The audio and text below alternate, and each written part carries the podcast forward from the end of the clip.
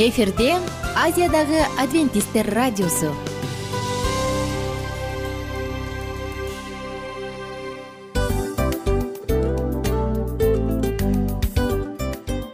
Достор салют. Баардык сүйүктүү угармандарыбызга салам айтабыз. Кутман күнүңүздөр менен. Ден соолук өмүрдүн булагы демекчи саламат саамы программасында баарыңыздарды көргөнүбүзгө абдан кубанычтабыз. Анда алгач амандашып өтөлү арбаңыздар деп. Ден соолугуңуздар кандай элибизде көбүнчө ден соолук кандай дегенде эле жакшы деп жооп беребиз э? ооруп турсак дагы жакшы дейбиз. Анан мен муну айтып ойлойт элем бул абдан сонун сөз депчи анткени бул жакшы деген үмүт да э ооба баары жакшы болот. Баары сонун. Деп үмүттөнүп атып эле өзүбүздү өзүбүз дарылап коебуз. Анысы кандай? Сиздин дагы ден соолугуңуз жакшы беш деген үмүттөбүз чындыгында ден соолук бул өмүрдүн булагы деп бекеринен айтылган эмес деп ойлойм. Кыргыз элинде анткени эгерде ден соолук жок болсо анда адамдын жашоосунда калган баардык керектүү маңыздуу нерселер өзүнүн баалуулугун жоготуп коет. Ошондуктан ден соолук бул эң керектүү нерсе. Ооба туура айтасың кесиптешим. Чынында ден соолугуң жок бир эки үч күн ооруп калсаң эле э кандай болуп калат? Жашоодо көз каранды болуп каласың көп нерсеге жетишпей каласың көп нерсени кыла албай каласың жада калса эшикке дүкөнгө да чыга албай каласың. Туптуура анан ден соолук болсо демек биз биздин бактыбыз тоодой деп койсок болот.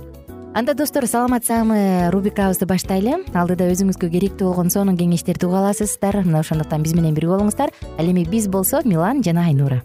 Кеттик алга. Алга саламат саама ден соолуктун жарчысы. Саламат саама ден соолуктун ачкычы. Күн сайын сиз үчүн мыкты кеңештер сонун жаңылыктар кызыктуу фактылар биздин рубрикада.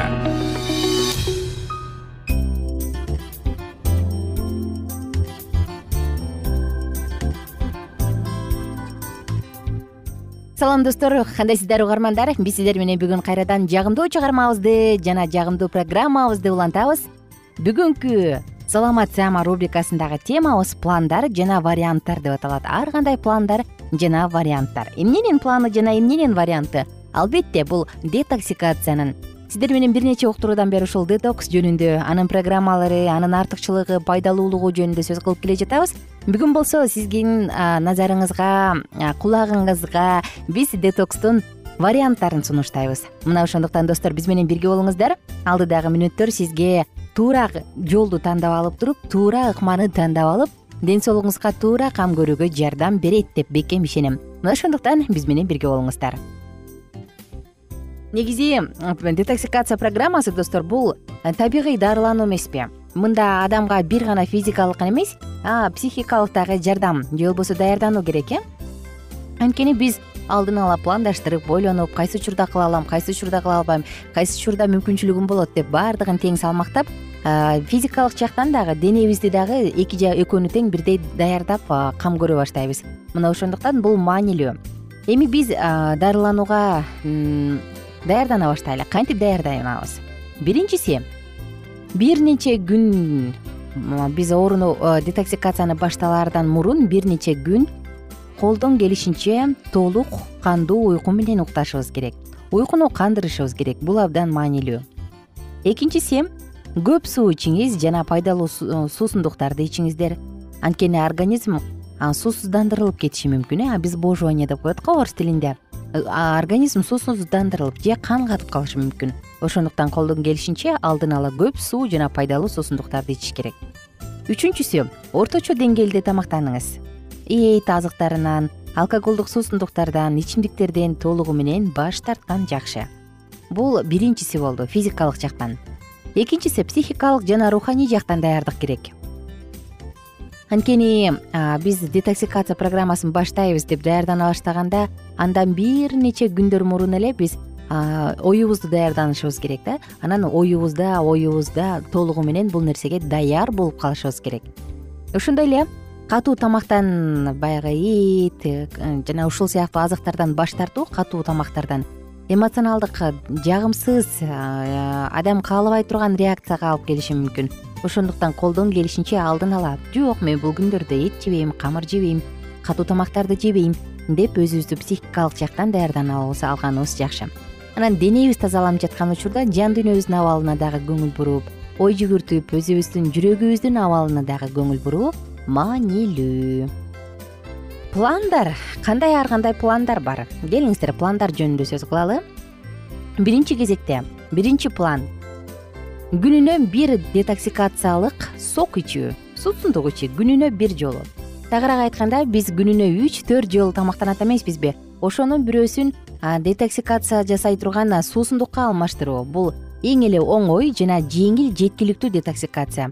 Мында суусундуктун каалаган түрүн тандап алсаңыз болот. Лимонад мүмкүн бир чашка тазалоочу бульон мүмкүн тундурмадыр тазалоочу же башка тазалоочу сок же смузи болушу мүмкүн. Ушунун ыңгайлуусун бирөөсүн тандап алыңыз дагы.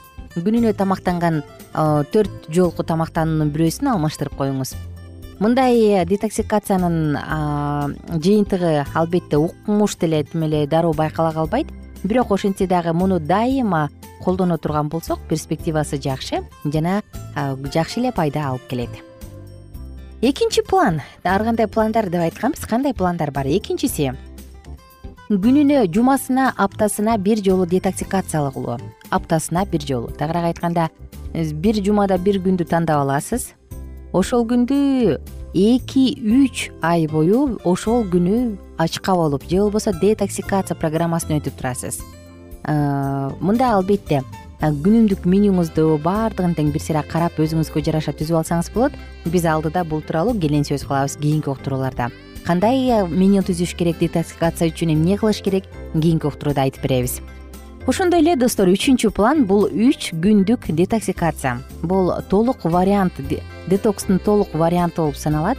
Бирок айына бир жолудан көп кайталаганга болбойт. Айына максимум бир жолу колдон келишинче э, мындай детоксикацияны жасап баштаардан мурун диетолог же ушул саламаттык жагында специалист менен байланышып өзүңүздүн ден соолугуңузду айтып кеңешип алганыңыз жакшы. Мындай программа үч күндөн узарбаш керек. Колдон келишинче биринчи жолу жасай турган болсоңуз андан бешбетер эгер сиз буга чейин мындай детокс программасын өтүп келген болсоңуз баары бир деле дарыгер менен сөзсүз байланышыңыз сөзсүз сүйлөшүңүз эми детоксикациянын варианттарын айтсам кандай варианттары бар? Биринчиси толугу менен ачка болуу. Тагыраак айтканда баардык катуу суюк тамактардын баардыгынан баш тартасың дагы бир гана суу ичесиң. Мындай тазалоочу эффекти абдан чоң бирок ошентсе дагы пайдалуу суусундуктарды ичкен жакшы. Анан албетте топтолугу менен суудан дагы эч нерседен баарынан баш тартып салганга болбойт ошону менен бирге мындай детоксикация учурунда сөзсүз түрдө медициналык көзөмөлдөө болуш керек. Кийинкиси бир аз бир аз ачка болуу бул толук ачка болуунун альтернативасы мында суудан тышкары лимонад ичсе болот жанагындай табигый таам татуучу каражаттар менен жасалган клендон жасалган сироп ичсе болот тазалоочу бульондор жана чөп чайларды тазалоочу чөп чайларды ичсе болот. Кийинкиси мөмө жемиштер менен дарылануу. Бул вариантта биз мөмө жемиштердин дарылоочу касиети зор болгондоруна көңүл бурганыбыз жакшы. Мүмкүн вишня алча клубника апельсин жана башка ушул сыяктуу. Муну болсо күнүнө эки бир эки же үч жолу катар жасап колдонуп көрсө болот мына достор бүгүн сиздер менен сонун кылдык анан дагы бир маанилүү нерсени айта кетейин. Детоксикация учурунда баардык каналдарды тазалаганга аракет кылыш керек. Өпкө бөйрөк ичеги карын жана терини тагыраак айтканда бат баттан терең дем алууну практикага кылыш керек. Көп суу ичиш керек. Бизде зара көп жакшы чыгыш үчүн запордон ич катуудан качыш керек жана колдон келишинче көбүрөөк тердеш керек. Достор оорубаңыздар кийинки уктуруудан үн алышабыз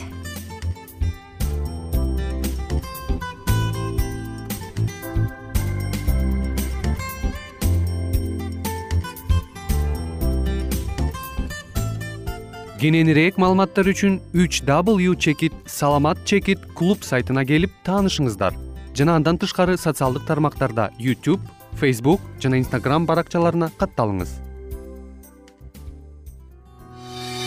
Саламат саама ден соолуктун жарчысы. Саламат саама ден соолуктун ачкычы. Күн сайын сиз үчүн мыкты кеңештер сонун жаңылыктар кызыктуу фактылар. Биздин рубрикада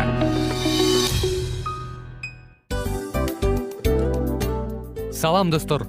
Кайрадан биздин сүйүктүү рубрикабызга кош келиңиздер деп айтмакчыбыз. Баардык замандаштарыбызга арбаңыздар деп саламыбызды айтабыз. Улуу ушундай бир урматтаган учурашуу менен анан дил маек радио баракчабызга чакырабыз. Негизи дил маек биздин рубрикабызда эмне жөнүндө кеп кылабыз бул дил маектин мааниси эмнеде рубрикабыз менен кичине тааныштырып кетсеңиз. Сөзсүз түрдө тааныштыра кетейин. Кесиптешим суранычы боюнча бул учурда бул радио баракчада биз ар тарап кесип ээлеринен сонун кеңештерди алабыз сүйлөшөбүз сырдашабыз. Аталарыбыздын эжелерибиздин апаларыбыздын кеңештерин угабыз айтор. Жан дүйнөгө адамдын э, сапатына адамдын деги эле адам болуп жашашына керектүү баардык кеңештер алдыда. Негизи э, дил маек дегенде баягы эки адамдын ортосундагы сырдашуу кенен сүйлөшүү. Негизи эле биз адамдар бири бирибиз менен бир жерге жай жерге отуруп алып өзүнчө тынч э, жашоо жөнүндө өмүрүбүздө эмне болуп атканын бөлүшкөнү жакшы көрөбүз э адамдар. Ооба туура айтасың анан мындай учурга кээде убакыт да жетпей келет э? Же болбосо сырыңды кайгыңды муңуңду кубанычыңды айткың келет адамга ишенбешиң мүмкүн. Ооба. А бул радио баракча угармандарыбыздын чыныгы досу анткени бизден алган кеңеш сиздин жашооңузга чоң жардам берет. Ал эми сиздин бизге айта турган сөзүңүз ортодо гана сыр бойдон калат. Ошондуктан биздин дил маек рубрикабызга дагы бир жолу кош келиңиздер. Жана биз даярдаган маалыматтарга даяр болуңуздар. Айнура жана милан сиздер менен бирге алдыга кеттик ар түрдүү ардактуу кесип ээлеринен алтын сөздөр жүрөк ачышкан сыр чачышкан сонун маек дил маек рубрикасында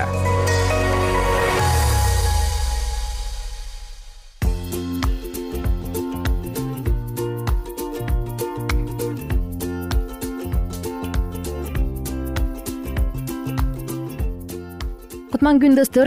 Кадырлуу замандаштар сүйүктүү угармандар жалпыңыздар менен биз кайрадан дил маек уктуруусун баштап отурабыз жана бүгүнкү темада дагы сиздер менен бирге махабат күнөө болушу мүмкүнбү деген теманы улантабыз.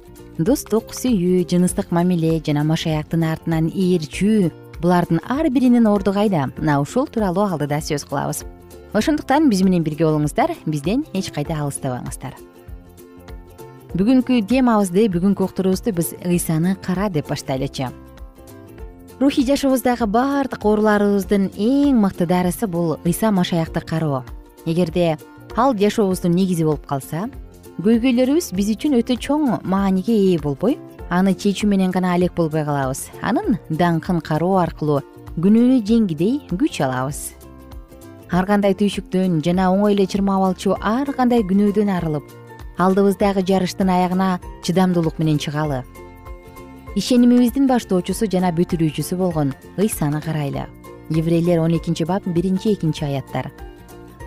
Биз баарыбыз жабуусуз жүзүбүз менен теңирдин даңкын чагылдырып турабыз. Биз ага окшошкон сайын бир даңктан бир даңкка өтүп өзгөрүлүп жатабыз. Бул теңирдин руху аркылуу болуп жатат. Экинчи корунтуктар үч он сегиз өзү менен гана алек болгон адам өтө эле текебер болуп кетет же депрессияга түшөт. Кудай бизди тигинисинен да мунусунан да сактаса экен. Теңир ыйсанын даңкын ачып бериши үчүн кудай тырышчаактык менен сыйынгыла кудайга. Теңирдин алдына күнөөңдү айтып кайра кайра келе бергенден эч качан коркпо. Кээде сен анын алдына кайра кайра эле баягы күнөөмдү айтып келе берсем кудайга акарат келтирген болом деп ойлооруңду билем эгерде күнөөбүздү чын жүрөктөн мойнубузга алып жүзүнчү жолу да кечирим сурасак бир туугандарыбызды жетимиштен жети жолу кечирүүнү буйруган кудай бизди кечиргенден баш тартпайт. Эгерде күнөөлөрүбүздү мойнубузга алып ачык айтсак ишенимдүү жана адилеттүү кудай күнөөлөрүбүздү кечирет жана бизди баардык адилетсиздиктен тазалайт кечирерине шектенүү аркылуу гана биз ага акарат келтирген болобуз. Кичинекей кадамдарды ташта. Чоң убадаларды бербе. Теңир мен бүгүндөн баштап бул күнөөнү эч качан кылбайм деп айтпа. Андан көрө кудайдын жардамы менен бир күндүн ичинде ишенимдүү болууга аракет кыл. Биз кудайга толук көз карандыбыз. Ошол көз карандылыгыбыз аркылуу гана жеңишке ээ болобуз.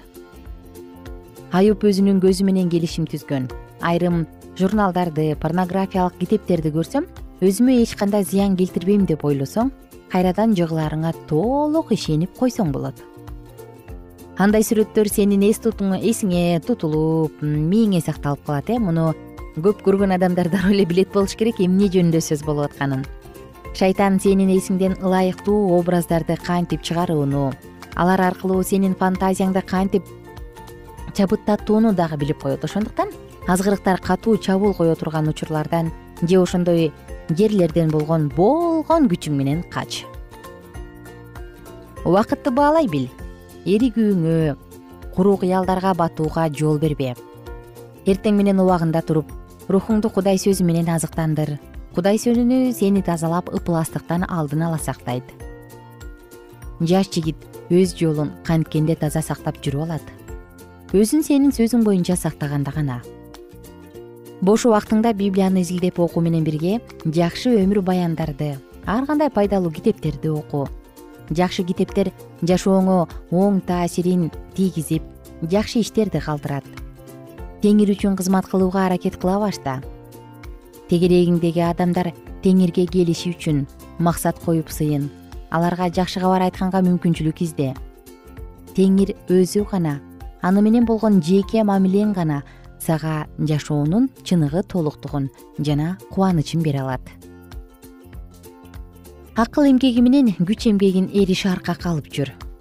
Өзүңдү ашкерелей берүү же спорт менен катуу машыгуу бул күнөөнү жеңүүгө жардам берет деп ойлобойм. Муздак душка түшүп күн сайын токойду аралап чуркаганыңа карабастан көйгөйлөрүнөн арыла албаган айрым жаш жигиттерди билем. Ошондой болсо да ден соолугубуз үчүн жан дүйнөбүздүн тең саламаттуулугу үчүн спорт менен машыгуу же күч эмгеги чоң мааниге ээ. Спершин мындай акылман сөз айткан экен. Деңиздин абасын жутуу же таза абага чыгып сейилдөө жан дүйнөбүздү сергите албаса да денебизди кычкылтек менен азыктандырат.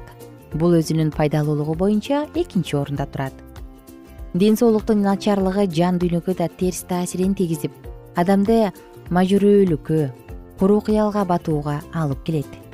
Бул абал күнөөнү жеңүүнү кыйындатат. Жана дагы бир маанилүү нерсе бул. Машаякчылар менен мамилелешүүгө аракет кыл ишеним жолундагы бир туугандар менен мамилелешүү рухий өсүүнүн негизги өбөлгөсү теңирди сүйгөн кудай сөзүнө олуттуу караган машаякчылар менен мамиледе болууга аракет кыл. Кудай сага өз көйгөйлөрүңдү ишенип айта ала турган.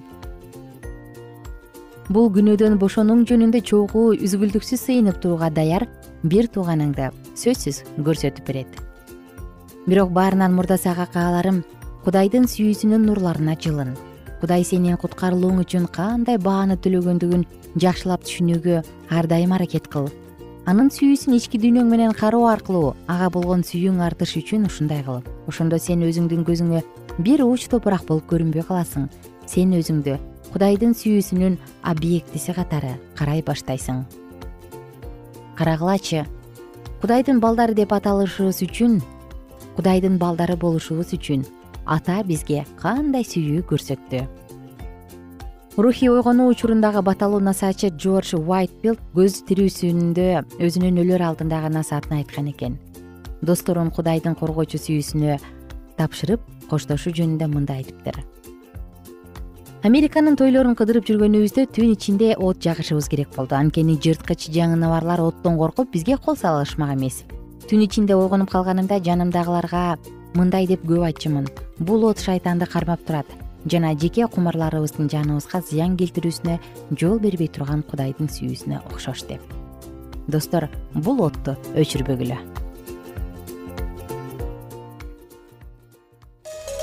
Ар түрдүү ардактуу кесип ээлеринен алтын сөздөр жүрөк ачышкан сыр чачышкан сонун маек дил маек рубрикасында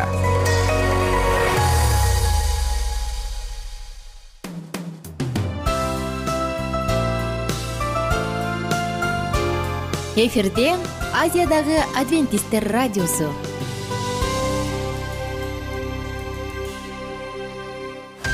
Жан дүйнөңдү байыткан жүрөгүңдү азыктанткан жашооңо маңыз тартуулаган жан азык рубрикасы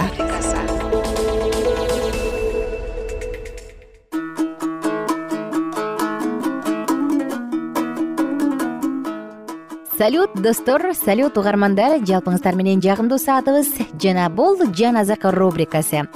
Сиздер менен бирге жан азык рубрикасында абдан сонун китепти окуп баштаганбыз. Эске салсам бул рут китеби деп аталат. Достор эсиңиздеби мурунку уктурууларыбызда биз наами тууралуу сөз кылганбыз э? Наами мааптыктардын жеринде жашап жүрүп жолдошунан эки уулунан ажыраган соң үйүн көздөй кайтат. Үйүнө кайткандан кийин ал эки келинин ээрчиде кетет. Жолдон келиңдерине кыздарым баргыла күйөөгө тийгиле. Мен силерге төрөп бере албайм. Төрөп берген күндө да алар чоңойгончо силер күтпөйсүңөр. Бактыңарды тапкыла башпаанник тапкыла өз элиңерге кайткыла дейт. Ошондо анын бир келини орпа ыйлап кайненеси менен коштошот дагы үйүн көздөй жөнөйт. Ал эми бир келини рут жок апа. Мен сиз кайда барсаңыз ошол жерге барам сиздин элиңиз менин элим болот. Сиздин кудайыңыз менин кудайым болот. Дейт дагы белгисиз сапарга өзү билбеген элге таптакыр башка мамлекетке кайненесин ээрчип кетет. Жөн гана ээрчип келбестен ал кайненесинин дагы кардын толтуруп ага кам көрүп керелди кечке талаада бууз деген адамдын талаасынан машак терип жан багат. Эсиңиздеби? Эми биз кийинки учурда бууз рутту аялдыкка алууну чечкенин окуганбыз. Бир аз түшүнүктүү болуш үчүн төртүнчү бөлүмдүн башынан баштап окуйлу. Биз менен бирге болуңуздар. Бууз шаар дарбазасынын алдына барып отурду. Ошол учурда анын жанынан өзү айткан бир тууганы өтүп бара жаткан эле. Бууз ага бери кел бул жерге олтур деди. Ал келип отурду. Бууз шаар аксакалдарынан он кишини чакырып алып аларга бул жерге отургула деди. Алар отурушту ошондо бууз жакын тууганына маап талааларынан кайтып келген наами биздин тууганыбыз эли мелеке таандык жердин бир бөлүгүн сатып жатат. Сенин кулагыңа угузайын айтайын деп чечтим. Бул жерде отургандардын жана элимдин аксакалдарынын көзүнчө анын кулун төлөп кайрып ал. Эгерде кунун төлөп кайрып алгың келсе кайрып ал андай кылгың келбесе мага айт мен билгидей болоюн анткени сенден бөлөк эч ким кунун төлөп кайрып ала албайт. Сенден кийинки эле жакын тууганы менмин деди. Ал кунун төлөп кайтара алам деди. Бууз нааминин жерин кайрып алгың келсе маркумдун аялы мааптык руттукун кошо кайтып алышың керек. Үлүшү маркумдун наамында калыш үчүн рутту аялдыкка алышың керек деди ошондо ал тууганы мен аны ала албайм үлүшүм бузулуп калат. Аны сен кабыл ал. Мен кабыл ала албайм деди. Мурун ысрайыл элинде сатып алууда жана алмашууда ар бир ишти бекемдеш үчүн мындай салт болгон. Бири өзүнүн бут кийимин чечип экинчисине берген. Бул ысрайылда күбөлүк катары болгон. Ошондо анын тууганы буузга өтүң өзүң сатып ал деди да бут кийимин чечти. Ошондо бууз аксакалдарга жана бүт элге менин наамиден элимелектин бүт жерин килион менен махлондун бүт жерин сатып алып жатканыма силер азыр күбөйсүңөр. Үлүшү маркумдун наамында калыш үчүн маркумдун ысымы бир туугандарынын арасында жана жашаган жеринде өчпөшү үчүн махлондун аялы мааптык рутту аялдыкка алып жатам. Силер бүгүн буга күбөйсүңөр деди. Дарбазанын алдында турган бүт эл жана аксакалдар мындай дешти. Биз күбөбүз үйүңө кирген аялды теңир ысрайылдын тукумун улаган рахель менен леядай кылсын. Эфратада байлыкка ээ бол. Бейтлехемде ысымың даңазалансын теңир сага ушул жаш аялдан бере турган тукум тамар жүйүткө төрөп берген перестин тукумундай болсун. Ошентип бууз рутту алды. Рут анын аялы болуп калды. Ал рутка жакындады теңир берип анын боюна бүтүп уул төрөдү. Ошондо аялдар наамиге мындай дешти теңирге даңк ал сени мураскорсуз калтырган жок анын ысымы ысрайылда даңкталсын. Ал сага кубаныч тартуулайт карыганыңда багат. Анткени аны сени жакшы көргөн. Сен үчүн жети уулдан артык болгон келиниң төрөп берди. Наами ал баланы алып койнуна салып көтөрүп жүрдү. Анын бакма энеси болду. Кошуна аялдар наами улдуу болду деп баланын атын обейт коюшту. Ал дөөттүн атасы жышайдын атасы. Перестин санжырасы мындай. Перестен хесрон төрөлгөн. Хесрондон рам төрөлгөн. Рамдан аминадап төрөлгөн. Аминадаптан нахшон төрөлгөн. Нахшондон салмон төрөлгөн. Салмондон бууз төрөлгөн. Бууздан обейт төрөлгөн. Обейттен жышай төрөлгөн. Жышайдан дөөт төрөлгөн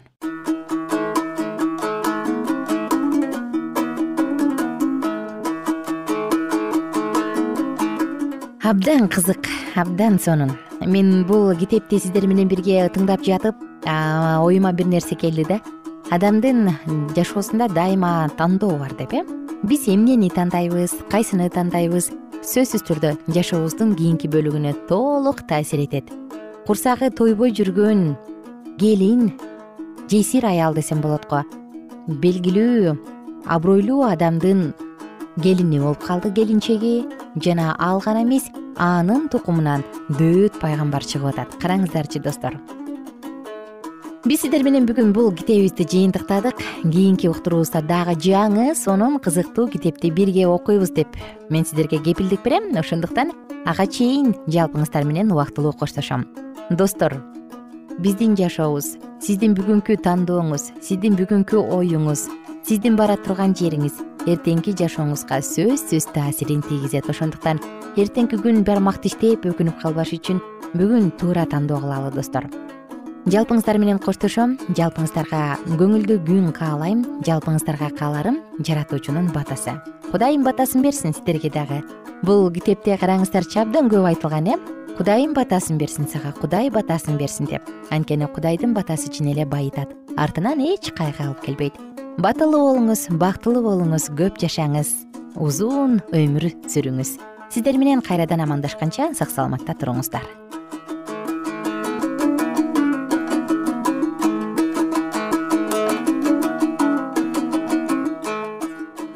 Эгер сиздерде суроолор болсо же көбүрөөк маалымат билем десеңиз анда биздин whatsapp номерибизге жазыңыз. Плюс бир үч жүз бир жети жүз алтымыш алтымыш жетимиш кайрадан плюс бир үч жүз бир жети жүз алтымыш алтымыш жетимиш.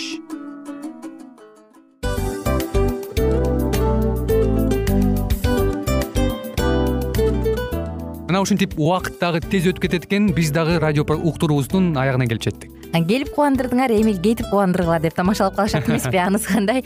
Радио баракчабызды программабызды азыр эле баштап аткандай болдук элек. Мына соңуна келдик э? Негизи убакыт э, билинбей өтүп кетет экен мен дагы э, убакыт дегенде бүгүн бир адам менен сүйлөшүп калдым. Анан убакыт бул мүмкүнчүлүк деп айтып өзүмө өзүм айтып алып анан мага өзүмө эле кайра ачылыш болду да чын эле Э, карап отурсаң ошол эле жыйырма төрт саат ошол эле жарым саат кайталанып атат. Бирок сендеги мүмкүнчүлүк жок ошол кой берилип кетти? Анысы кандай? Бүгүнкү сонун убактыңызды алтындай болгон жарым саатыңызды бизге бөлүп арнаганыңыз үчүн ыраазычылык айтабыз. Анан жашооңуздун кайсы бир сферасын өзгөртө турган сонун пайдалуу кеңеш алган болсоңуз анда биз максатыбызга жеттик. Анан ушул нерсени кылбасам десеңиз ошол өзгөрүүлөрдү кичинекей кадамдардан баштап иш жүзүнө ашырыңыз дагы жашооңузда чоң чоң ийгиликтерге жетиңиздер чын жүрөктөн ар бир берилген кеңештер сөздөр сиздерге пайдасын алып келет деп ишенебиз. Жана кийинки уктурууларда сөзсүз түрдө чыдамсыздык менен сиздерди күтөбүз. Сагынычтуу салам айтып кайрадан дал ушул жыштыктан баардыгыңыздарды тосуп алганча. Кызматта мен айнура жана кесиптешим милан. Анда кол пулга алайбыз жалпыңыздарга ийгиликтүү күн. Саламатта калыңыздар